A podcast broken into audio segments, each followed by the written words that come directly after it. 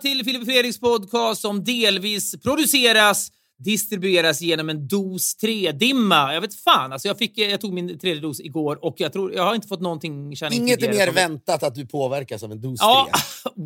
jag fick ingenting av ettan, tvåan, så det var det, är, det är nästan ett alla mot alla, ett, ett alla, mot alla eh, segment. Liksom. Blev den här mär- eh, människan dåsig av det tredje vaccinet? Ja, det är faktiskt sant. En psykologisk på något sätt personprofilering av människor. Det som är härligt ändå med att bli sjuk på ett liksom biverkningssätt för oss hypokondriker är ju att alltid annars när man är sjuk så tänker man this is the big one. Nu är det egentligen en tumör, nu är det egentligen vad fan det nu kan vara. Men att vara sjuk och veta vad det beror på att det kommer att gå över det har gjort att min, min muskelvärk, min huvudvärk, så här, fan jag har nästan gått och gonat i ett dygn åt den här, de här liksom krämporna för jag vet vad det beror på. Så att igen, jag blir sugen på att liksom en gång varannan månad gå och ta en dos bara för att känna mig lite sjuk och veta vad det beror på. Det är liksom underbart. Men du, du klarar då givetvis av detta. Det är också någonting, det är också någonting för övrigt med, med liksom, det känns som att det börjar lätta nu. Det känns som att det går åt rätt håll och jag, jag, jag, ingenting. Gör det? Ja. Vad baserar du det på? Det går, jo, vet du vad?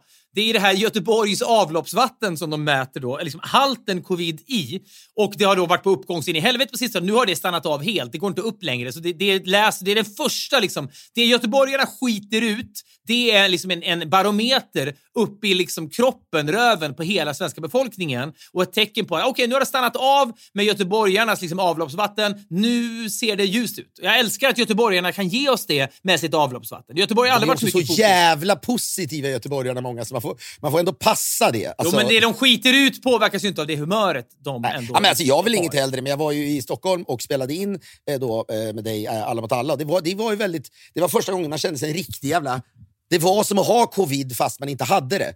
Jag hade åkt från studion i lägenheten, du bodde till och med på hotell. Det var liksom när jag skulle ta det här testet, man vet då kan man inte ta sig, då kan inte jag ta mig hem. Det var...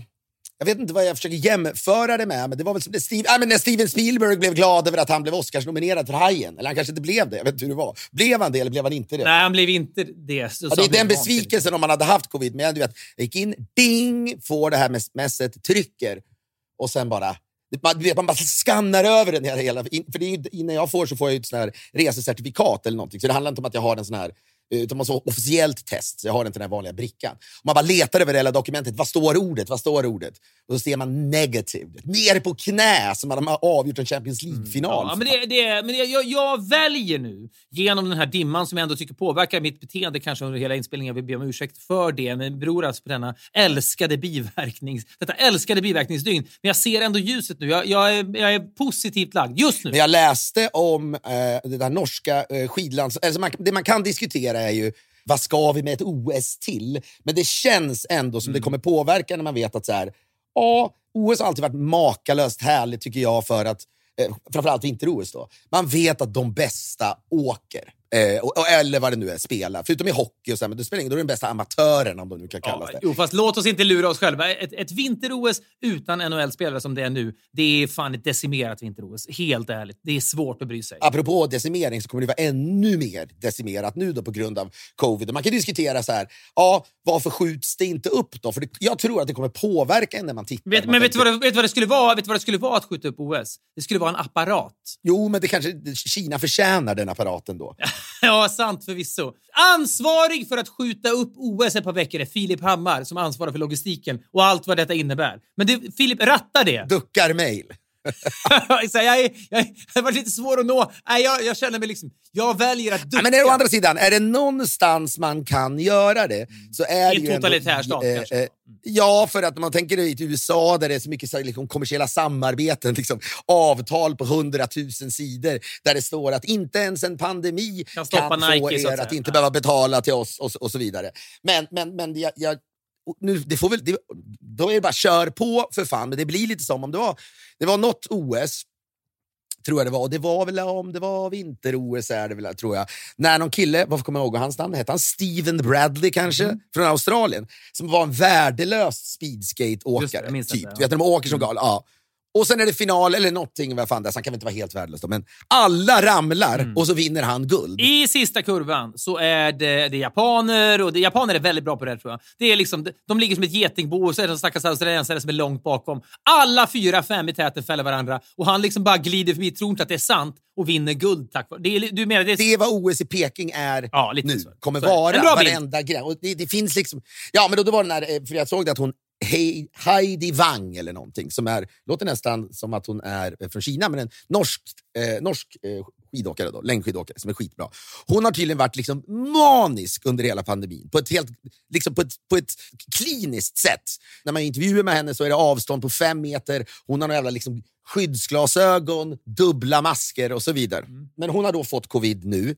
Eh, och inte vet jag det, om det är så att hon är så jävla kalkylerande så hon har insett att smittspridningen är så stor. Det är lika bra, jag får det nu för att eh, då kan jag vara liksom clean när OS väl Ja, det är ändå igång. intressant för jag såg att det var några, några från Damkronorna som hade testat positivt för fyra fem dagar sedan. Okej, ni får inte åka. Ni är inte med i truppen längre. Så att liksom, alla deras OS-drömmar grusas av det här liksom, positiva testet. Så att hon, att hon klarar det då, låter ju också konstigt. Men då har hon något privatjet som tar henne från liksom någon, jävla, någon oljepengar kanske. Ja, men det jag menar nu, för jag har ju då Heidi Weng fått... Samma privatjet som flög in talibanerna till Oslo flyger över He- Heidi Weng till Peking. Det är ändå bra bilder Ja. de sitter där. Ja, men det är något elegant att på något sätt att hon kanske delar flight med talibanerna till, liksom Afghanistan, till Kabul och sen där hoppar de av så flyger hon vidare till... till tycker det är jävla nyhetsbilder där. Och, till och, och det väntade i eh, eh, människors reaktion. Det där är för jävligt.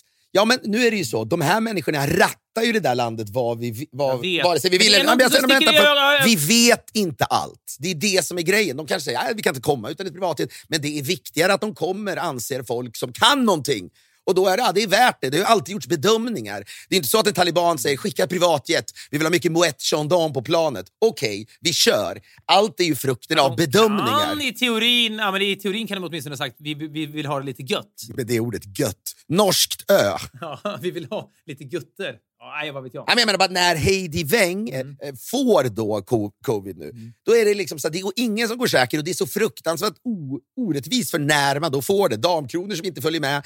Du vet, någon kommer få det dagen innan stafetten. Ja. Det, jag, jag undrar bara, kan inte en totalitär stat säga, säga vi skiter i, vad det gäller atleterna, så får man själv bedöma om man kör eller inte. Vare sig man är sjuk eller vare sig man är rädd för att bli sjuk. Men vi Det hade tänker varit inte bry lite kul. Alltså. Nu, nu alla, är på, alla är på plats, alla har liksom stängt in sig. Från och med nu, vi skiter i att testa folk. Nu räcker det. Vi, vi testar inte mer. Nu, nu, är det bara, nu är det bara att tuta och köra. Det känner man ju lite med samhället i stort. Det hade varit det enda rättvisa.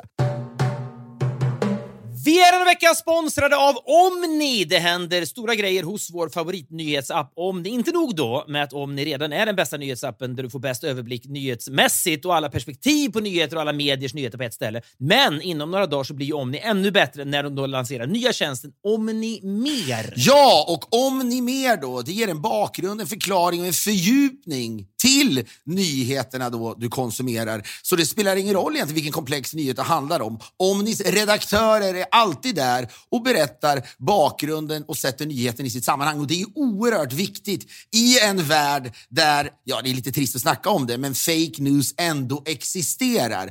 Får man bakgrunden så förstår man världen. Det här är ett briljant sätt då att ta sig förbi betalväggar hos internationella medier eh, om ni samarbetar med bland annat Washington Post, Financial Times, Reuters och så vidare. Gå in på App Store eller Google Play och ladda ner Omni nu. Detta oavsett om du vill fortsätta läsa Omni gratis eller om du dessutom vill testa nya Omni Mer som alltså är en tilläggstjänst i appen. Vi säger stort tack till Omni!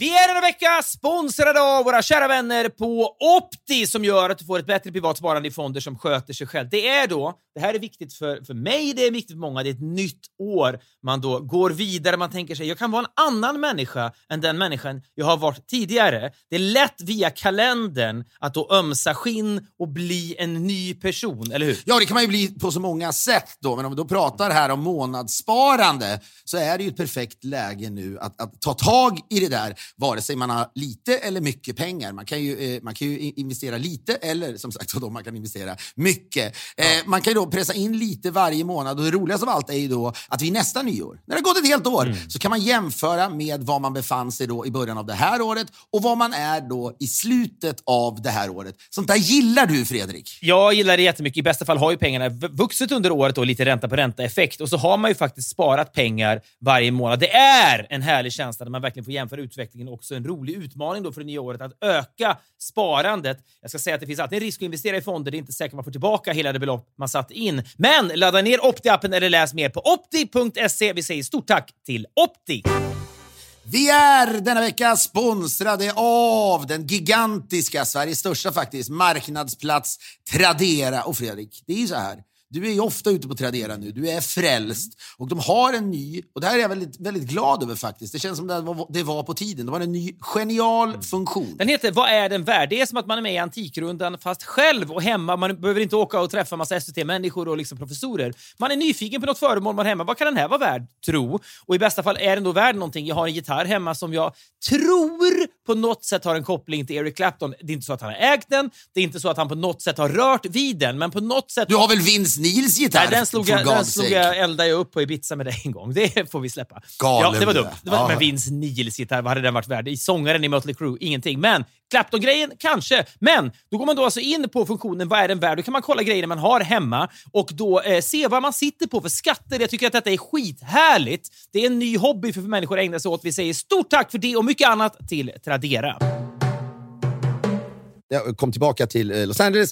Eh, Jag har ju nu 200 precis som du har. Och eh, jag springer, det finns ju en Lundell-låt som väl heter Jag springer upp för trapporna till dig. Heter inte det, men den heter Älskling. Men Älskling heter den. Men en bra rad. Det är min stora sliding, do sliding doors-ögonblick i livet när du och jag spelade in programmet ja, någonting ute i, i Sundbyberg i någon studio. Vi hör att det larmar från studion bredvid. Går in där för vi har en paus i våra inspelningar. Det här är 2006 kanske. Och så ser vi att det är Ulf Lundell med sitt band då, som står och repar inför någon turné. Och de kör just låten Älskling. Och jag får en, en, en sån här impuls. Jag, bo- jag borde gå upp på scenen nu och börja dela mick med Lundell och se om han, om han köper det eller inte. Och så stod jag och tvekade för länge. Det hade han inte köpt. Nej, det, who knows? Han, han nickade Men glatt. varför skulle han köpa Nej, det? jag- Men jag, jag, har, jag har en gång i månaden sedan 2006 tänkt tanken jag borde gjort det. Ibland när man funderar på så här, borde man tacka ja till livet, vara vara lite bättre på att bejaka sina impulser. En annan sliding doors med Lundell. Det är ju, eh, folk vet ju det. Vi, eh, eh, man, man beundrar Lundell, vi har lyssnat massa på honom och man roas av Lundell. Allt möjligt med honom. Men han är alltjämt, tycker jag, en av Sveriges mest intressanta människor. Ja, verkligen. eh, och that's me! That's me. Men av den anledningen så vi har liksom aldrig riktigt vi har ju träffat mycket människor, vi har inte haft med honom i någon intervjuprogram. Vi har heller inte liksom, eh, haft någon närmare eh, kontakt med honom. Han dejtade ju en kompis till oss en gång i tiden, så brukar han ibland hämta henne på produktionsbolaget Jarowski.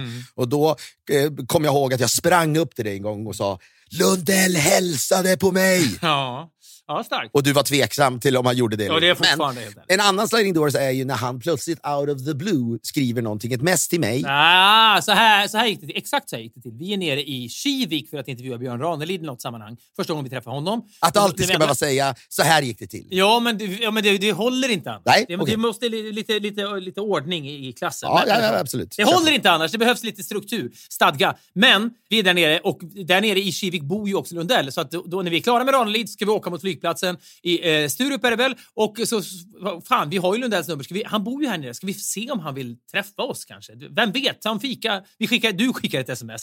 Hej Uffe! Vi har aldrig träffats. Filip Hammar heter jag. Vi, vi har... Jag skrev inte Uffe, hörde Nej, okej, det kanske inte. Men, eh, Ulf, ska vi, får vi komma förbi och bjuda på en kaffe eller någonting? Vi kan köpa en eh, wienerkrans eller någonting. Inget svar förstås. Det blir ingenting. Vi åker till Sturup, flyger till Stockholm, landar halv elva med sista flighten på terminal 4.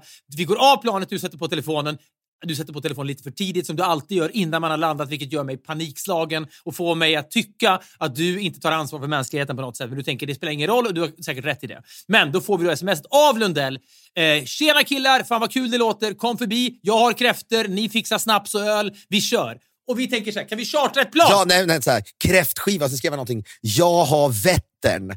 Eh, vilket då är väl kräftor från Vättern. Ja, eh, skrev Ja, han ju. Och sen så ni fixar, och ni fixar spriten, skrev han. Eller någonting. Ja. Ja, så kan det vara. Ja. Och vi tänker så här, kan vi chartra talibanplanet? Det fanns ju inte då. Men så här, kan vi på något sätt nu vända på Arlanda och åka ner till Skåne igen? Nej, det gick ju inte. Och det var det Nej, men jag kan känna ibland, inte en gång i veckan, men ibland känner jag Varför gjorde vi inte det? det var, jag vet att det var någonting så här, vi måste hem för att du vet om det var barn, vad fan som helst. Fair enough, men det är inte så att hela livet, det, det är inte så att ens barn hade påverkats eh, under hela sitt liv av att vi hade då in, inte gjort det där. Så det var Någonting säger mig att inte i spannet av tid mellan att vi då chartrar ett plan på Arlanda och når Lundells hus en och en halv timme senare så kan Lundell ha ångrat sig. Han är lynnig ändå, så det hade kunnat bli också smärtsamt. men det handlar lite grann om att man, eh, det finns en carpe diem-faktor här som är att, att vi åtminstone hade gjort det i så fall. Samma sak med att gå upp när, när älskling spelas. Tveklöst. Tänk om vi slutar på det med det. Fan, det är otippat. Men, det Men, och älskling då, där sjunger Lundell den här, om den här känslan av Mm. nyförälskelse. Eh, och jag tycker att han nailar hur man har känt i livet när man då eh, ska eh, besöka en, en person man har förälskat sig i och ska träffa. Och precis i den här början, kanske Mm. liksom tredje gången man träffas, men det är, det är klockrent att Jag det, springer det här upp för trapporna någonting. till dig, ja. Jag ska kyssas när jag kommer upp för dörren och så här, älskling, jag springer upp för trapporna Ja. till dig. Och nu ska jag säga, när jag kom tillbaka till eh, LA, så eh, min, eh, eh, min tjej var inte hemma. Så det jag fick nöja mig med var hundarna. Som jag känner en nyförälskelse kring alltjämt. Eh, framförallt då Cargo. Hur eh, oralt intim är du med dina hundar? Jag är alltid Nej, men de slickar mig hela tiden i ansiktet hur mycket som helst. och Har, din tunga mött en av dina hundar? Ja, absolut. Men inte i någon medveten kyss. Men det är liksom... Nej, men det, det, det kan ändå bli ett kort möte. Det känns, för, för mig är det liksom... Det är höjden av skit. Men igår så hade vi i sängen då alla fyra, jag och Agnes och så barnen.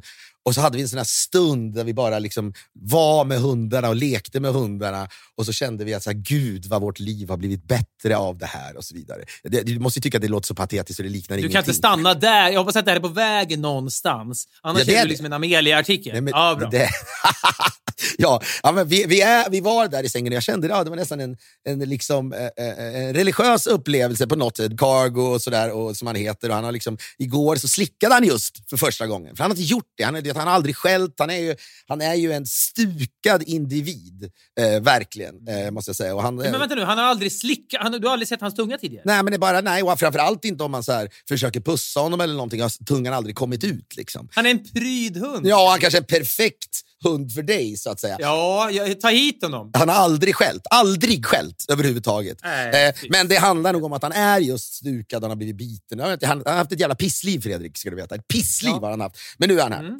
Men när jag då springer upp för trapporna, när jag kommer tillbaka till LA, så ser jag genom ett litet Får jag bara, fönster. får jag, förlåt, får jag, för, förlåt, men jag får ändå bara säga när Lundell spr- sjunger Jag springer upp för trapporna till dig, då ser jag framför mig att det är fyra, fem våningar upp i något lägenhetshus kanske. Hur många trappsteg är det i ditt hus? Det är väl typ fyra trappsteg? Det är väl, inte, det, det är väl ett kliv? Är du galen? Det är en ganska lång trappa upp till dörren. Jag ska vara ärlig. Ah, okej. Och sen är de i... Ja, det var alldeles för länge sedan du var och hälsade på hos mig. Två älgkliv upp är det för mig. Nej, men det är det inte. Men skitsamma. Ja. Jag springer upp där, ser då genom ett litet fönster hur lyckliga de här två hundarna är. Och att jag tittar in dem, blicken möts och det är liksom... Du vet, det är så mycket kärlek som en, som en, som en, en varelse kan utsättas för. Men Det- jag- eh, och- och så vidare. du. Ja. ja. Ja. Fan. Ja, men. Jag öppnar dörren, jag Ja. öppnar dörren och bara du vet, lägger mig ner på golvet och vi kramas där i kanske ja, fyra minuter och håller Okej. på. Och hade, hade du sett mig och hö- hört mig då så, ja, så är det möjligt att vi inte hade haft Nej, jag jag vi, är på väg, Men- vi är på väg dit nu känner jag. Det, här måste ta vägen någonstans. Ja, men då i alla fall så får jag reda på av eh, en, en människa som, är, som eh, eh, vad heter det, har väldigt mycket kunskap om hund och har varit liksom, knäckt lite extra som hundtränare och så genom åren. Så säger den människan att du måste sluta med det där direkt. Jaha, varför då? Sluta med det där. När man kommer hem och hundar är liksom skäller och är glada, då måste man bara nonchalera dem. Man, måste, man ska inte säga jag, sig. jag, ska jag, bara, jämt. ja, men, Och jag, du vet vad, jag njuter av det. Jo, och så, så går jag i och så ska man vänta då tills hundarnas, då, som säger när de har fyra fötter eller tassar Mm. på marken. De får inte hoppa. Och då ska man då acknowledge att vad kul att de tycker att det är kul att man Ja, kommer ja. hem. Och så gör man det här. Men jag har ju då inte hjärta Nej, det att göra Du det. är också impulsiv. Ja. Men då tänkte jag att Ja, du vet ju inte exakt hur man gör, för du jag har ju berättat att du säger liksom tyst åt dem Ja, ja, ja. först när du kommer vet, hem. det, det är problemet, ska jag också säga, jag låter hjärtlös nu och jag vet massa, massa hundälskare som hatar mig när jag framstår så här är kallhamrad. Problemet är att de skäller så högt så hela huset så när jag går in i porten där nere börjar de skälla. Det, alltså, det stör människor i alla lägenheter, det är inte bra. Ja, men det är ju, ni har ju Sveriges sämst upp, uppfostrade hundar. Det är helt otroligt. Gå till en hundtränare för Det, är fan. för sent, det, det tåget har gått. Nej, det är det ju inte. Talibanerna tog det till Oslo.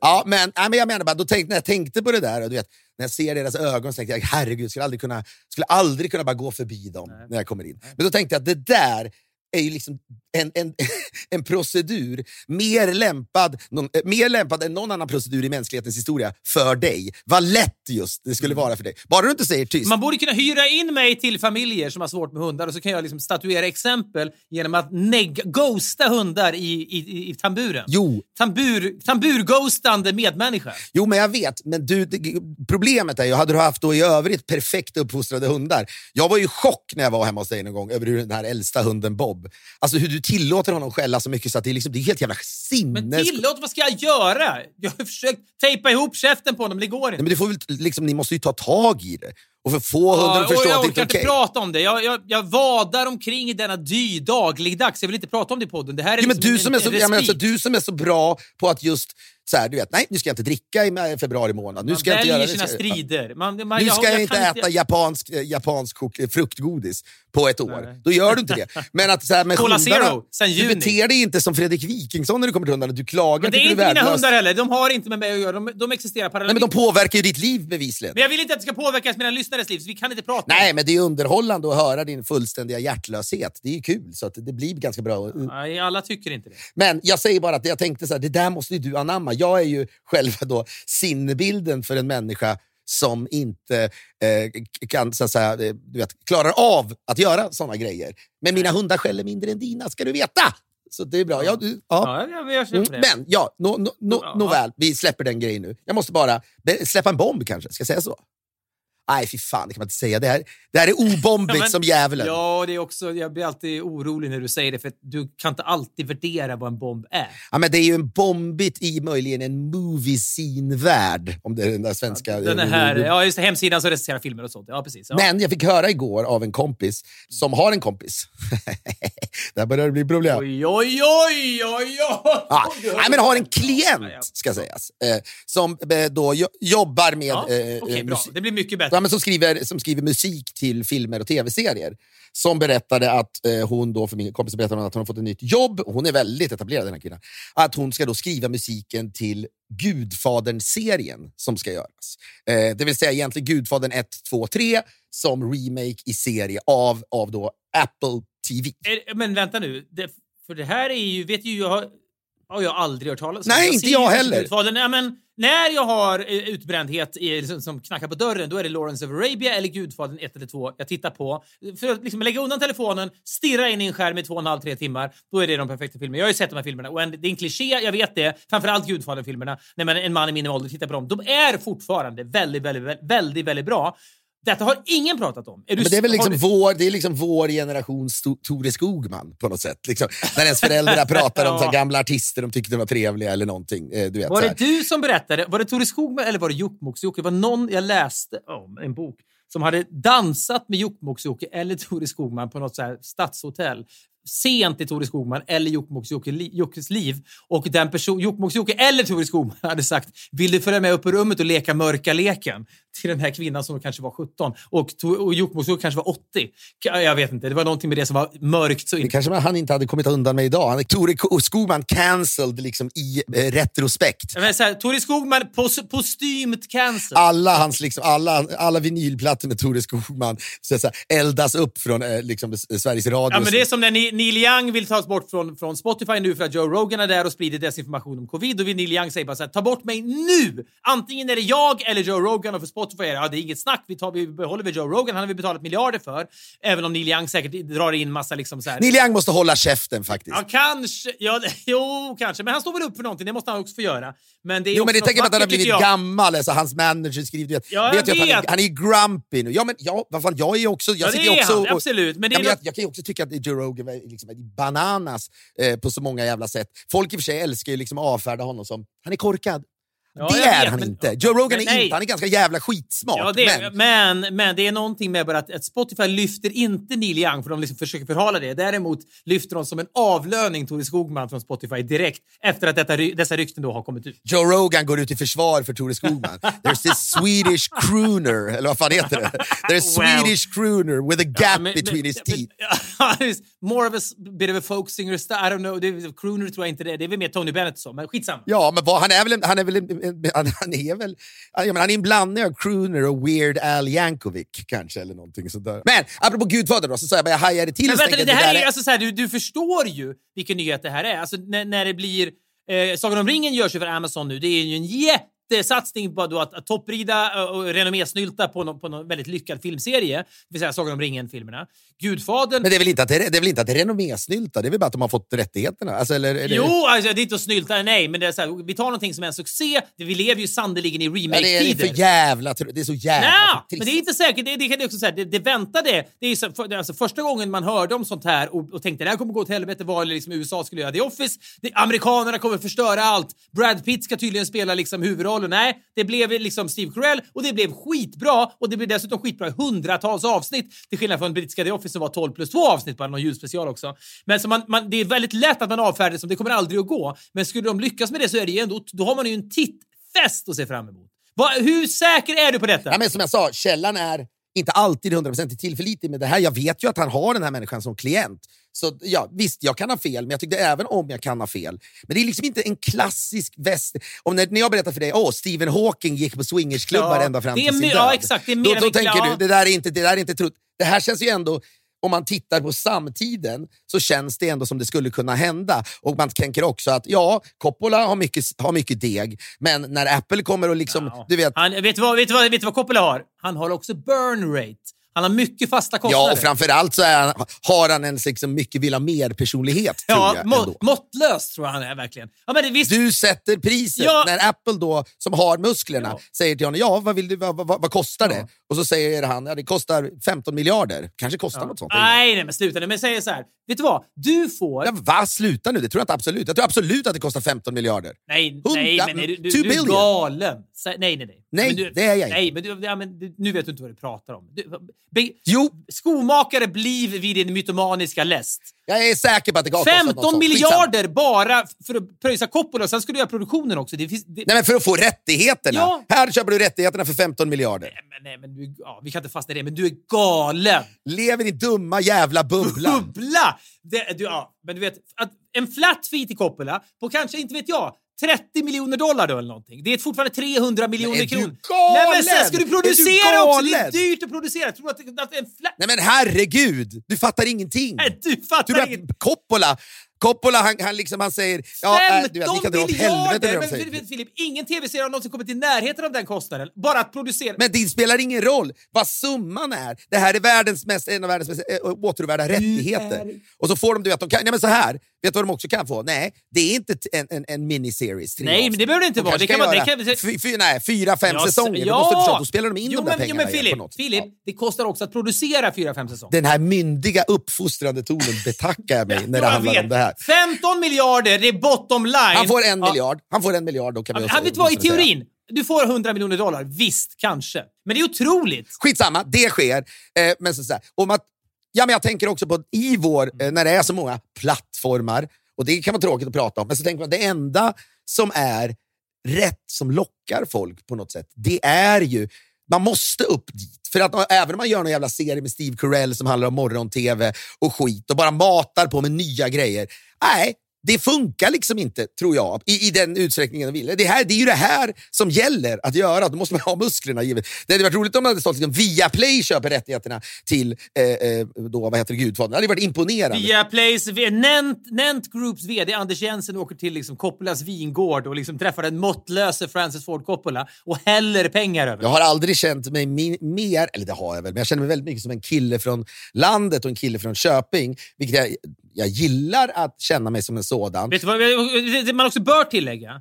Att du också är det. Ja, ja. Men, men det vet jag ju Harry. Det, den insikten Ja. vet du att jag har. Och att man nå- någonstans man är djupt ankrad eh, i, i- i sitt liksom, förflutna och gatorna man gick på och skolorna man gick på och så vidare. Här, och ibland så kan jag nästan tycka att det där är nästan lite skönt att vara det och speciellt om folk tror att man är jävligt mycket lantis. Det kan vara bra, liksom, jag vet inte, det kan vara bra, man känner att man har liksom ett försprång på folk som inte kommer från samma så att säga, eh, bakgrund. Va? Men då berättade, eh, då hade jag några kompisar här hemma som då berättade om deras eh, liksom, uppväxt. De kommer från eh, eh, Beverly Hills och Brentwood, de här människorna. Och så berättade de om sina sommarlov. Och jag menar, våra sommarlov, det var ju liksom, ja, i, i ditt fall åkte du ner till Grebbestad, jag åker visserligen ner till Frankrike, men det, var ju liksom inga, det fanns inga pengar att tala om, utan det var ett års sparande för mina föräldrar. Och det var, ja, det var, det var in, in, ingen lyxresa. Nej. Sen berättade de då, ja, men, nej, men vi var alltid uppe hos eh, Coppola, vi gick i samma klass som Sof Sofia Coppola, så att vi var ett gäng som alltid åkte upp eh, och så var vi på, vad heter så ordnade Francis Ford en, en, en skådespelarcamp eh, eh, camp för oss där uppe. Eh, och berättade så här, "And James Caan showed up and gave us private lessons. Ja. Vet, Ja, men det är som för, när vi flyttade ut till Bromma eh, 2006, jag och min fru, innan vi ens hade barn av någon anledning, så, så var det två saker som hände det första dygnet. Det ena var att det var val, då, det var i september 2006. Då vann då Alliansen valet och Reinfeldt och de här. Och då så åkte då tonåringarna i Bromma omkring med, på sina mopeder och tutade som om vi hade vunnit du vet, fotbolls-EM eller någonting. Det var som, det var som en, en feststämning i Bromma för borgarna hade tagit makten. Det var liksom okej, nu är vi i Bromma. Det andra då dagen efter när det ringer på dörren och så öppnar man så är det två stycken tjejer i 12-årsåldern som bara hej, vill du köpa kokosbollar? Vi håller på att samla in till vår klassresa till Verbier. Och man bara, wow! När jag växte upp så gjorde, då åkte vi på skolresor till liksom, eh, Storön ute i Vänern där det, liksom, där det fanns två stycken Ja, eller vi åkte på skolresa till något, något, något, jävla, sån här, eh, något jävla rös, eller vad fan heter det? Du vet, så här, gamla Ja, sten... Rullstensås typ. Rullstensåsen utanför, eh, i Och västra. Aros. Och så fick man en sån här liten jävla papppåse med en, en limpmacka med leverpastej och en mandarin. Det var vad det var. Mm. Jag säger inte att människor som åker på skolresa till Verbier behöver inte bli dåliga människor. Det må- måste man stryka under med, med en bläckpenna. Det är 50 50-50 ändå. Äh, det är det ju inte. Det är det också. Men, men det, allt sitter väl i... Har du uppfostrat dina, hund, dina barn lika dåligt som du har uppfostrat dina hundar, då är jag orolig för dig. Men det tror jag inte du har gjort. Mm. Ja... Fingers crossed. Men då, så här, det, det där är ändå den typen av upptäckter i tillvaron om, om vad, vad, hur olika bakgrunder människor har kan vara fascinerande ibland och sen samtidigt dreglar man över tanken på att man själv skulle varit på någon sån. Jag gick på Hagateatern i Köping och spelade teater, vilket också var vad det var. Jag vill nu att någon, liksom, kanske Matilda Voss Gustafsson på DN, kanske någon hungrig kvällstidningsmänniska, nystar i detta. Apple TV och Gudfadern, alltså kommer man, är man först med det här i världen, då är det ju ett skop av Guds nåd. Börja rota det. Vi kommer inte orka rota Men det här. Guds nåde, du får ju lugna dig. Nej, men i, i, i, i, liksom nöjessvängen så är det ändå ett jätteskop om detta stämmer. Men det är inte på samma nivå som när Kurre Lindström, som vi pratade om för några veckor sedan, gamla hockeytränaren som numera då bor i Thailand, Ta-. Thailand med en fru som är 40 år yngre än honom och så vidare. Vi pratade om att Från Thailand, ja. Ja, och vi noterade att det, det görs intervjuer med honom varje år. Och det, det är någon slags undertext av att han är en snuskgubbe som har flyttat dit. men, nej, men att, att, anledningen till att Expressens Robert Börjesson återvänder gång på gång vallfärdar till Hua Hin söder om Bangkok, tror jag det är, i Thailand, det är att Kurre Lindström bor där. Det är, så här, ja, det är för att det är Thailand. Hade han bott i liksom Vietnam hade, han, hade Robert Börjesson aldrig åkt dit. Ja, jag vet, nej, det är, nog, det är nog sant, men det, det är vårt behov Ja, av... och liksom- att Kurre har en yngre thailändsk fru, mycket yngre thailändsk fru, hälften så gammal som han. Det spär också på bilden av, okej, vi kan göra den här figuren av Kurre Lindström, en väldigt otippad. Jag tror att det alltid är så att det finns en människa som, som, som blir den här, eller, objektet, som är perfekt. I det, I det mediala spelet, så att säga. Ja, men någonstans som är lite skruvad, suffering, så att säga, li, lidande och möjligtvis pervers. Eller åtminstone vill att vi ska få känna. Och att han bor i Thailand. För folk, det är inte alls lika intressant med åldrade kändisar som bor i Florida eller på Nej. Mallorca. Eller Nej, så här. För nej, där, exakt. där finns inte pervers-komponenten alls. Nej, Skulle Kurre. Lindström varit tillsammans med en 40 år yngre spanjorska hade ingen brytt sig. Ingen! Det är det som är så intressant. Och många eh, lyssnare då, mejla oss gärna till podcastetpoddff.com. Vi får ju mycket, mycket mejl och många har mejlat den här veckan om att nu har Aftonbladet skickat sin reporter Mats Wennerholm till Hua Hin för att göra då en motsvarighet Jag tror att det beror fan att de, någon har lyssnat på podden och Kanske, tänkt ja, ja. Filip och Fredrik ironiserar över det här. sanningen är ju Men- att Aftonbladet kommer att få jättemycket klick på detta. De, folk vet knappt vem Kurre Lindström är. Absolut, är man inne på sportsidorna kan man minnas Kurre Lindström, men man tänker sällan på Kurre Lindström. Man bryr sig inte jättemycket om hur det har gått för Kurre Lindström. Men det Aftonbladet bankar på och det Expressen år efter år har bankat på, det är att det kommer att finnas ett intresse för att här är en äldre man som bor i ett liksom eh, halv-shady klingande land, för, alltså på gott och ont. Eh, Jag säger inte att det är sant, men många har den typen av associationer till Thailand. Människor som bosätter sig i Thailand, ja det är Färjan-Håkan, Dit åker Jimmy Åkesson och hälsar på. Det finns många semestrar där, absolut, men bosätter man sig där, då är det något som inte stämmer, typ. Och då bor man dessutom då med en hälften så gammal thailändsk fru. Då är det fritt fram för spekulationerna att rasa. Detta kapitaliserar Aftonbladet på, vare sig de medger det eller inte. De kan säga så här, men vi gör ett fint porträtt av Kurre på ålderns höst. Han har någon nervsjukdom, det är synd om honom, absolut. Men det kommer någonstans i artikeln att stå att han har en hälften så gammal eh, thailändsk fru och det gör det också även i den här artikeln. Det är intressant att det är så.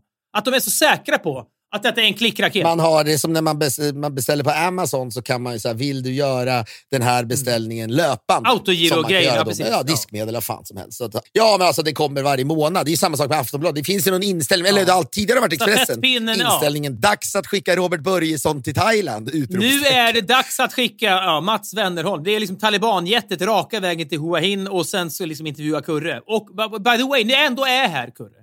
Har du din fru hemma? Ja, det skulle gärna vara kul om att hon är med på bild. Och, eh, ja, ställ dig där i ljuset. Det här vet du inte om, Kurre, men du ser jävligt gammal ut i det här ljuset.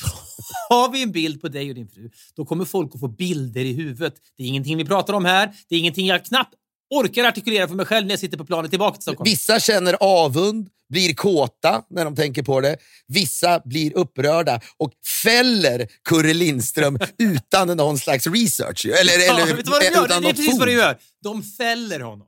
De, det är liksom, de fäller honom mentalt när de ser den bilden. Det är fan för jävligt, men det är det de topp... De utnyttjar ju detta, Aftonbladet och Expressen. De vet att somliga läsare kommer att fälla Kurre för detta.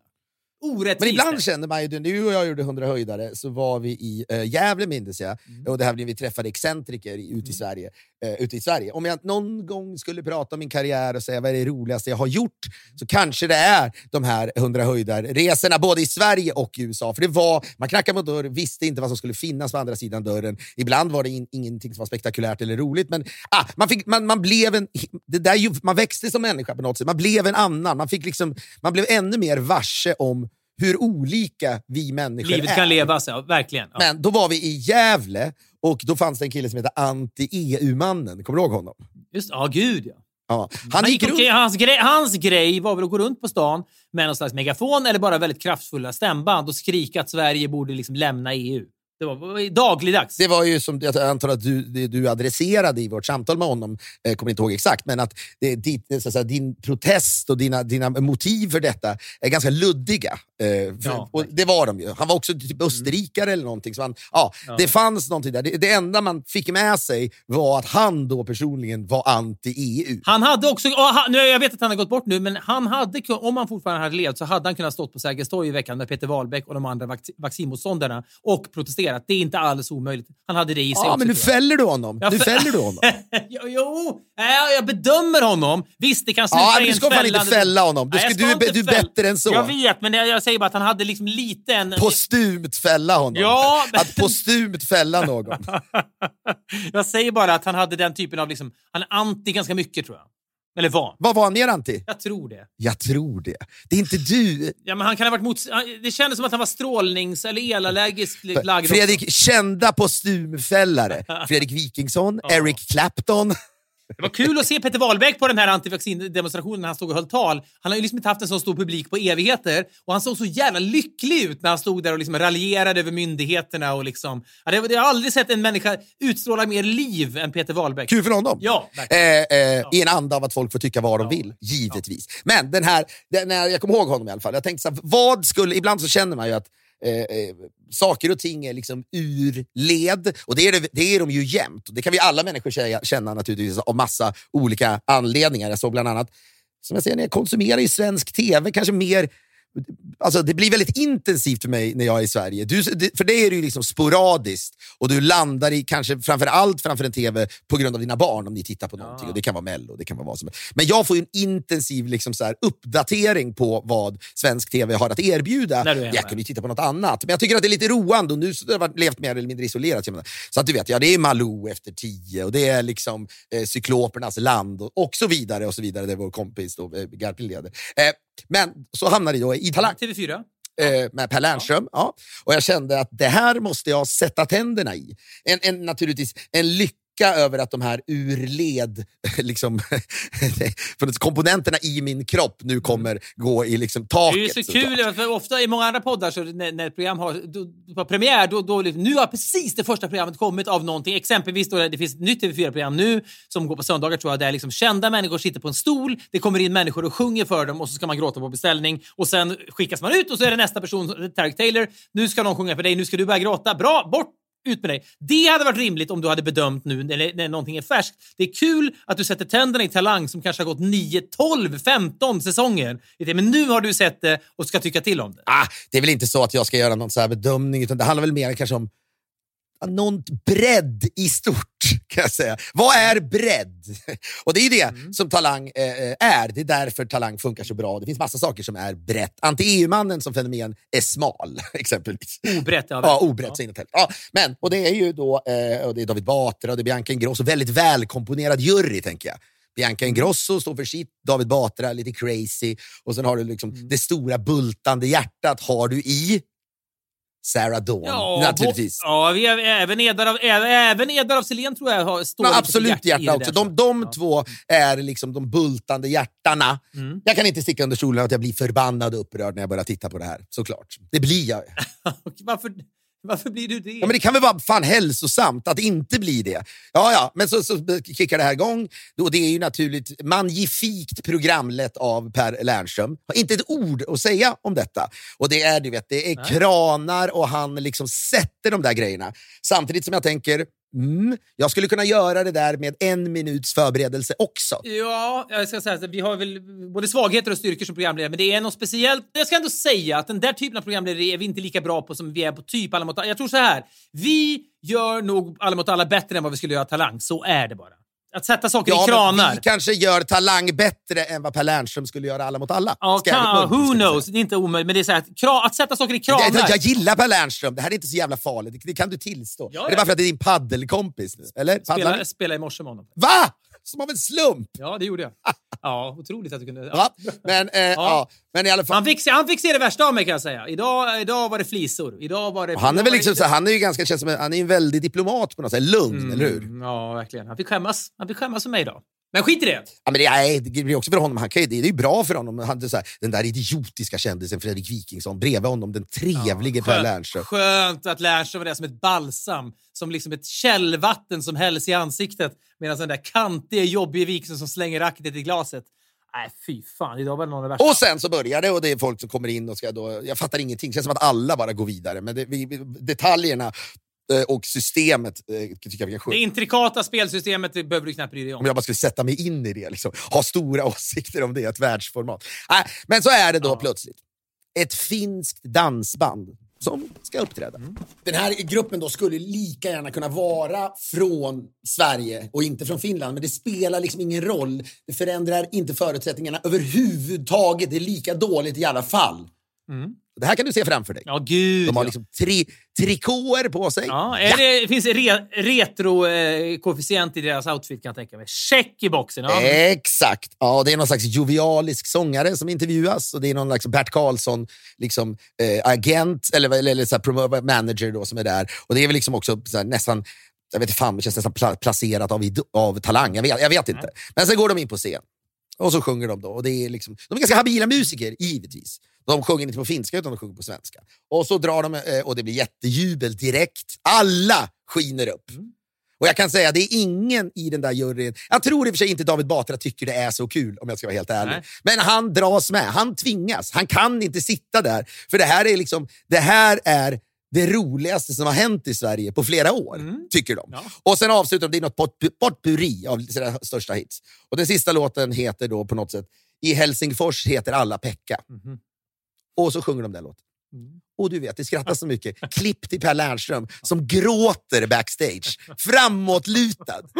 Du sitter hemma, samtidigt sitter du hemma i lägenheten och kokar. Alltså jag är så arg. Va? Häller upp den största rommen på liksom månader. Mörk eller ljus? Sveper den. Går ut på balkongen och tittar ut bara. Vad fan ska jag göra? Du tar ett djupt andetag, sveper ett stort glas rom och tittar upp mot stjärnorna och, och liksom känner det betydelselösa i världsalltet. Vad ska jag göra? Hur kan jag stoppa den här idiotin? Hur kan jag göra det? Vad kan jag göra? Vi, människor är små. Det är svårt att stoppa liksom, världsskeenden. Visst, Greta stod ensam med en liten pappkartong utanför riksdagen. Sen blev det plötsligt liksom miljontals... Jo, men det är precis. Kan du ställa dig? Kan du ställa dig utanför riksdagen? Hon uppfattades direkt som en vettig och bra människa såklart, för hon slogs för något viktigt. När jag då blir den som går ut på gatorna och kritiserar När du ställer dig med en kartongbit utanför TV4 med ett glas rom i handen så är det ingen som bryr sig på samma sätt. Nej, precis. Det var det jag skulle komma till. Att det här skulle kunna... Det var då jag började tänka på anti-EU-mannen och säga, kanske har jag en anti-EU-man i mig. Det enda som ska jag bita det är att du säger upp det från allt. Du måste liksom tappa Jo, men det. då Du blir jag ju galen. Lämna din familj bakom ja, dig. ja, Ja, ja. men det, det, det är bara då det är någonting. Så här, du säger upp det från Discovery, femman, du lämnar mig. Det är så här, fullständig isolering. Du lever på gator och torg. Du liksom kamperar i tält utanför TV4. Anti-talang. Det är också kul. Anti-ribban för humor i Talangmannen. Ja, men det är anti-talang är mycket tydligare. Och det roliga med det är också att tidnings liksom, då, som skulle skriva om detta, när de väl har liksom jagat reda på sanningen om Gudfadern-serien på Apple TV, då ska de nysta någonting nytt och då ska de skriva ja, Filip Hammar har spårat tydligen. Det är kul att det står anti-talang på hans skylt, för det skulle kunna liksom gälla honom själv också. Vi är denna vecka sponsrade av försäkringsbolagsgiganten numera och också försäkringsbolagsrevolutionären Hedvig. Vi har pratat mycket om hur smidigt Hedvig är. Men vad är det, Fredrik? Ja, men det är precis det jag tänkte direkt när du säger så här att de är en gigant så tänker man ha en, en koloss på larvfötter. En gigant kan väl aldrig vara smidig och, och liksom servicebenägen för man tänker när man väl nått gigantstatus då är man mätt, trött och onåbar. Men grejen med Hedvig är ju att man har fört in i försäkringsbolagsbranschen som, man alltså är, som är kantad av besvikelser och fiaskon. En bra service och nöjda kunder. Det är eh, lätt att kommunicera med Hedvig och man behöver inte springa in i väggen. Bland annat är det enkla sättet då att kontakta Hedvig det är ju att man startar en chatt med dem. Dit kan man också skicka röstmeddelanden och videos och, och bilder då i direktchatten. Kanske beskriva sitt ärende, en skada eller vad det nu kan vara i hemmet. Och som ni vet sen innan så går det ju extremt fort eh, då att få hjälp av Hedvigs representanter. Det här är framtid. Det är som det alltid borde ha varit, men inte har varit. Men nu är vi där. Försäkringsbolagsbranschen är i gungning, den traditionella försäkringsbolagsbranschen. Vi säger stort tack till Hedvig! Vi är denna vecka sponsrade av Albert som är den digitala läroplattformen för barn och unga. Albert lär då barn och unga i åldrarna 3 till 16 år att läsa. De lär dem matte, grundläggande programmering, geografi eh, och inom ett par dagar, då, ganska snart nu, även eh, engelska finns att ta sig an där. Ja, det, är ju, det sker ju också då på ett underhållande, roligt sätt. Det här är ju, speciellt mina barn är lite äldre än dina, men det du märker snart är ju att okej, matten som var ganska lätt att, att liksom undervisa dem det i- våra barn har gemensamt är att de inte gillar skolan så Nej, men de är jättemycket, inga eventuellt. kanske superljushuvuden, några av dem. Och då sitter man där och så när de går liksom ettan, tvåan så tänker man så här, matte är hur lätt som helst, är de dumma i huvudet? Men sen när de kommer upp i liksom sjuan, åttan som mina barn är, så nej, jag kan liksom inte det här. Det är svårt att hjälpa dem, men Albert finns då där. Tjänsten är anpassad efter läroplanen och framtagen av erfarna forskare, utvecklare och pedagoger och har hjälpt över 300 000 familjer. Just nu är Albert gratis hela vägen fram till påsk, som då 17 april. Inga bindningstider eller uppsägningstider. Erbjudandet gäller nya kunder när man reggar sig på hejalbert.se. Hejalbert.se. Vi säger stort tack till Albert. Vi är denna vecka sponsrade av Aqua Dental. Vi fortsätter att trycka på hur otroligt viktigt det är att gå till tandläkaren. Som vi pratade om sist, tandhälsan påverkar verkligen hela kroppen. Och då, Aquadental är ju en lite annorlunda tandläkare. De försöker alltid göra besöket mindre tråkigt och jobbigt, så de är en trevligare och roligare tandläkare helt enkelt. Det är det man har letat efter i hela sitt liv. Det här, alltså jag fick ju tandställning tidigare. Jag var hos tandläkaren jämt i min barndom. Det var en jävla skillnad på bemötande man fick och, och det påverkar hela ens mående. Så här är det. Alla lyssnare till podden, och det här måste jag säga är en, en stor jävla summa, får just nu 5 000 kronor rabatt eh, på en tandreglering om man vill göra en sådan. Då. Eh, och Det kan ju vara både traditionella tandställningar och nya, helt osynliga metoder. För att boka så ringer man Aquadental och uppger Filip och Fredrik. Nummer finns på hemsidan. Och de erbjuder då räntefri delbetalning med fast kostnad från 300 kronor i månaden. Det är väldigt, väldigt bra. Gå in på aquadental.se, A-Q-U-A, dental.se. Vi säger stort tack till Aquadental. Men jag tror ju att eh, eh, du skulle hålla med mig när du säger det. Du skulle då inte tillåta dig själv att bli lika upprörd. Tänka, äh, Jag orkar inte. Och jag släpper det längs vägen också. Det är en bit kvar till att jag blir... Men det är alltid nyttigt att tänka när man ser sånt där. Man kanske inte är i målgrupp. Man kanske är liksom lite för gammal för det. Det kan man också Men tänka. vad fan, ja, det, där, det där är ju ett jävla uppgivet tänk. Jo, men... Ja, ja, Fy fan vad det är. Där, där, då, har man ju, då, har man, då har man ju gett upp. Ja, men, vad fan, man måste ju också inse realiteter av saker och ting. Om det är orättvisor någonstans man ska styra Nej, men vad är hjärta? Hjärta är inte bara att gråta och skratta och talang. Hjärta är också att stå upp för sina ideal och vad man tycker. Jo, men Och är, i det här fallet men är här, ideal Det är relevant? så jävla är dåligt ideal- att alla i Helsingfors heter Pekka. Det är så jävla dåligt är så att alla- det borde vara liksom straffbart. Och det ska inte, att, alltså, nu, som tur var bor inte mina barn i Sverige med dina barn. De ska inte behöva se den här skiten. Det stoppar liksom, möjlig kreativitet, sånt som kan finnas. Vad fan! Du menar att även om du inte är i Jag tycker målgrupp... att Per, per Lernström, som jag återigen gillar, han har också ett ansvar. Det är dags nu Per. Ja, men förstår du hur annorlunda ett sånt där program skulle bli om programledaren säger hörni, jag har stått här nu i flera säsonger och jag menar mycket är bra, mycket är kul och ibland... Ja, man, Jag går, man, I'm walking men, out. Så här, det här kan jag inte köpa. Det här går inte. Jag lämnar studion nu. Och på riktigt så gör man det.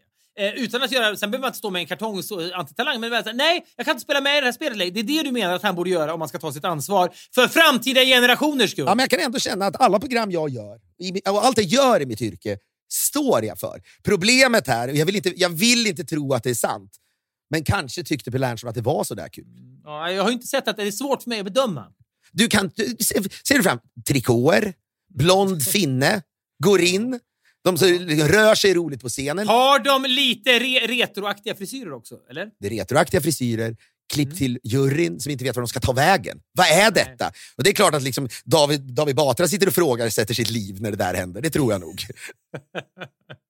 Det enda han sitter och gör är liksom matematik i huvudet på overheadkostnader. Hur, mycket, hur, hur länge klarar jag mig utan att göra talang? Kanske han sitter och tänker det. Men sen är det, då, det är liksom klippet till... För vad han blir där är ju en vidimering, eller en vidimerare. Lernström väljer att inte fälla finnarna, utan han vidimerar för folk. Ja, det här är det roligaste som har skett på svensk tv. Ja, Ja. Men du, är- Du ser allt det här ställer framför dig, du behöver inte se det här. Ja, men du, med, du, du målar upp en binär värld där man antingen fäller eller vidimerar. En stor del av livet är ju gråzonen när man är någonstans i mitten och bara säger ja, det här får väl passera. Det är ju inte, det är inte så att allt, alla ställningstaganden är inte så svartvita som du vill. Nej, ja, men det vet jag väl, men det finns en slags... Man har en passion kring det man gör. Det vet jag att du har. Vi tyckte det var när vi gjorde an- intervju i Antti Eman, så både att man, man vill liksom... Någonstans fanns det en ganska... Det fanns en dimension av att, att äh, acceptans och Ja, visa ja, upp ja, att jag folk måste det. göra Ja, vad de jag vill och så vidare. Ja. Men, det, ja, ja, ja, men det, fanns ju också, det var ju också humor. Det var ju saker vi tyckte var jätteroliga. Ja, men det du ska komma ihåg här, det de och det bedömer... måste jag slåss för, att men- det är det folk som ja, ska vet, Men konsumera. det du måste förstå är att det de bedömer i Talangjuryn, och Per Lernström är väl där som programledare, men juryn, det de bedömer, det är ju så här. Kommer folk att gilla det här? Är det här någonting som kommer att flyga? Ja, fast de säger ju själva att de gillar det också. Absolut, men det är en del av deras arbetsuppgift är att bedöma... Ännu mer ansvar då att fälla från deras sida. Men nej! För de tänker så här, eller så menar du att det, det finns någon slags folkföraktdrag, att alla sitter och tänker det här är skit, men pöben kommer säkert att gilla det. Nej, men det, det, vet, vet vad det är? Det är ju ett jäv. Jag förstår, man är, man är fredagsåsig. Folk har kanske tagit sin tredje dos. Mm. Det är skönt, barnen håller käften, man kan titta på Talang. Och då är man ju väldigt mottaglig för en viss typ av underhållning. Så Ja. är det, Ja. givetvis. Där har ju då Per Lernström ett jätteansvar. Nej. Att åtminstone inte, att åtminstone inte bryta ihop i liksom tårar för att någonting... Och återigen, det kan ju vara så att han tycker att det är sådär kul. Men då vill jag säga till Per Lernström att det är inte Nej, så okej. kul, utan det är helt fruktansvärt. Tycke och smak får jag lägga till ändå, men, men visst. Fy fan vad feg du är, va? Nej, jag är inte feg! Jag vet ju hur pissigt du skulle tycka att det var. Du kan ju se det framför dig, eller hur? Jo, ja, det kan jag verkligen göra. Jag skulle inte gilla det heller. Verkligen inte. Nej, men ska folk då... Och du, man ska aldrig slåss för någonting. Ja, Men det fin- har du hört uttrycket att välja sina strider? Det finns ju mycket där ute. Ja, vilken strid väljer du? Dina strider på paddelbanan? Det är den enda striden Nej, du när man väljer. pratar om att TV eller religion eller vad man vill är ett opium för folket. Det kan, det kan ju ja, man såsas ner i någon Bingolott och dvala som Lundell alltid pratade om på 90-talet. Det kan ju också vara ett opium, en passiviserande effekt av TV är att man irriterar sig på saker som ett finskt retrodansband som sjunger om att alla i Helsingfors heter Pekka. När man skulle kunna fälja, fälla regeringen eller man skulle kunna liksom engagera sig i, eh, i Amnesty eller vad fan du vill. Anti, va? Var du där eller?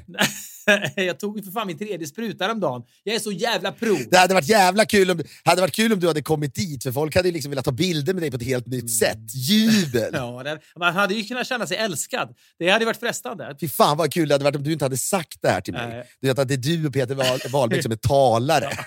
Alltså, jag, hade, jag hade ändå älskat Ja, det förstår jag. Du, Jag hade älskat du det. tagit ett stort glas rom, tittat upp mot stjärnorna och känt dig lycklig. Alltså, det är ju talangmaterial att du skulle gått in i Talang och kört liksom ett antivax-tal framför juryn. Då hade, så att säga, då hade liksom. Sa- Sarah Dawn gråtit och sagt Fredrik, vet du hur många som har dött?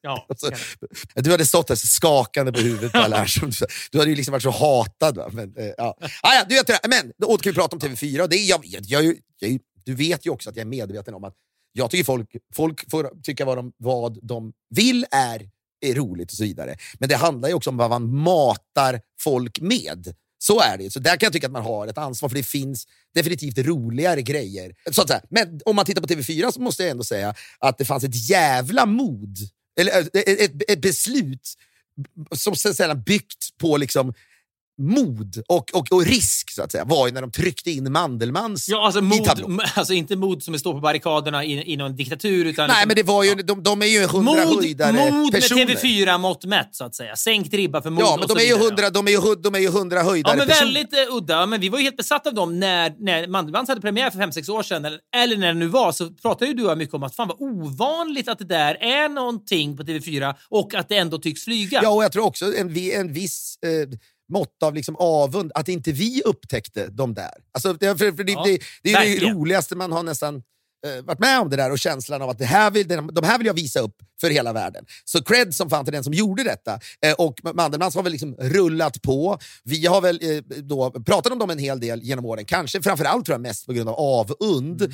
Eh, men det- jag har sagt, eller jag tror aldrig vi har inte kritiserat dem för liksom så innehållet, utan snarare känt det här är ett skitbra program i sitt då, sammanhang. Och när vi hade då Breaking News så vet jag att jag någonstans drev tesen om då eh, Mr Mandelmann, Gustav, Gustav, Gustav Mandelmann, att det är något som inte stämmer. jag minns detta mycket väl och att du pratade om... Jag tror att han blev lite arg för det. Ja, jag tror jag. Han, men han, vet, problemet när man skämtar om folk och blir drastisk är att man, folk tar det bokstavligt. Och då, det, och vissa gör det, då kan man inte komma runt det. Jag minns att du, du spekulerade i att, att han skulle eh, eh, steka sin fru i en stålbur eller något sånt där. Alltså, du vet, så här, taget till sin spets. Att, det- Där drog jag ju det till Ja, sin det får spets. man säga. Och det, Ja. det, ingår ju, ja, men det ingår ju någonstans i, i humorns uppdraget så- kanske. så- ja, så- fundament. Men om man får höra på avvägar av kanske sina barn. Ja, men såg du de här Filip och Fredrik på kanal 5? De sa att, att eh, du skulle steka vår mamma i en stålbur.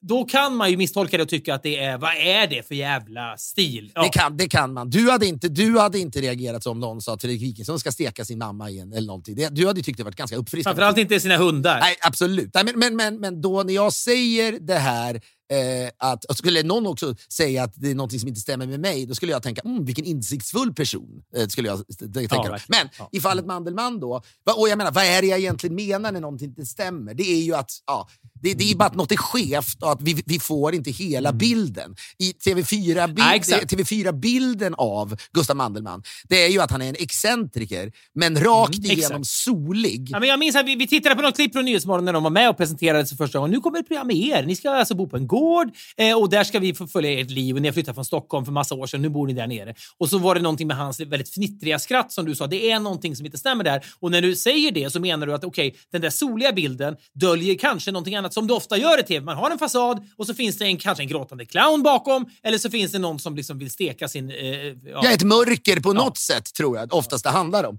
Och nu då, om det var i veckan, så har väl, är det så att en ny säsong av Mandelmans eh, ska eh, eh, ha premiär, Säkert. tror jag. Eh, och han, eh, jag har inte det här ordagrant, eh, och jag tror inte roll, men han pratar ju då om sina, eh, eh, att han är bipolär typ, och hans depressioner och att han ibland eh, tänker så mörka tankar, som att, eller han har tänkt att ta sitt eget liv även om han då inte trodde att det skulle Ja, ske. men typ att livet inte är riktigt värt att leva. Sådär. Och jag, när jag såg det så tänkte jag så här. Det, det där är intressant. För det, Beundrar du mig då? ja, men det, det, det är intressant. Jo, det gör du lite grann. Det gör du. Jag tänker för mig För själv. modet Ja, men- att jag vågar se- Ja, säga det där. modet. Jag tänker så här. Undrar hur Filip reagerar när han inom citattecken får rätt om Gustav Mandelmann. För att jag menar, det, det man får reda på om honom är ju någonting sorgligt förstås, att han bär på mörka tankar och att han är deprimerad. Eh, kommer det att överväga då att Filips insikt att han har lite rätt om Mandelmann, kommer det ge Filip glädje eller kommer han känna empati för Gustav Mandelmann? Eller känner han både och? Det var det jag undrade när jag såg den här rubriken. Nej, men jag, jag tror inte, det är inte så att jag eh, liksom tycker att det, att det är någon slags jävla triumf. Tar ett glas rom och stirrar upp mot stjärnorna. Nej, nej jag är, så är jag icke. Utan det, jag, de, de stora känsloyttringarna? Ja, de stora känsloyttringarna de sparar till, till besvikelser, upprördhet och så vidare. Eh, så jag kände mig, mig, mig bara, ja, titta vad var jag sa. Gud vad jag tycker om honom ännu mer nu. Och, jag, och man unnar ju inte någon det här. Det är fruktansvärt det han har gått igenom, såklart.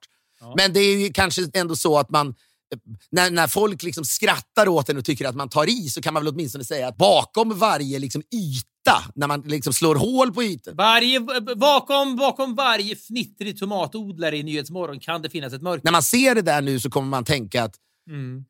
är han lycklig när det där spelas in eller är det teater? Eller lyckas de liksom tajma Mm. inspelningarna så att det är när han inte är i ett bipolärt skov? Det är ju eh, eh, så Mm. givetvis.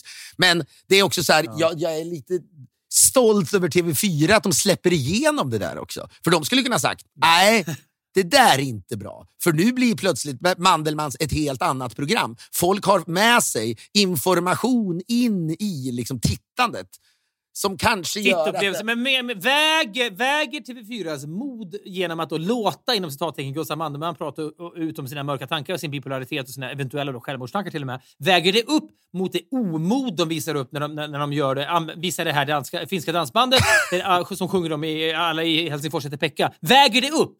Eller är det fortfarande så att TV4 är på minus? Han blev ju sommarpratare igen i samma sekund där, såklart. Ja, det blev han så det sjöng. Om han nu kanske, han kanske inte har varit sommarpratare ännu, men det måste han väl ha varit. Borde han, det borde han väl ha varit. Ja, men, men jag, det där är, jag tycker ändå det är, det är intressant. Jag tror väl inte att TV4 skulle ägna sig åt sånt som att stoppa det där, men det finns, man kan väl säga så här att kanske satte liksom Fredrik Arefalk, programchef eller någon, morgon-cappuccinon i halsen och tänkte Hmm, det här var väl kanske inte precis vad Mandelmans behövde. För plötsligt blir det här en serie delvis om mental ohälsa ju också. Ja, men vet, ja, tror, man kan tro det, men jag tror att vet, så fort vignetten börjar rulla så är det någonting som stängs av igen och så vill man bara åka med. All excentricitet kommer också med mörker, tror jag. Nästan. Eh, och det, det, det där men det är ju ingenting folk tar sig an eller reflekterar kring i alla fall. Man, man, utan jag tror ma- majoriteten som ser Mandelmans tänker vilken glad, eh, good, eh, liksom, vilken glad, udda människa han är. Ja.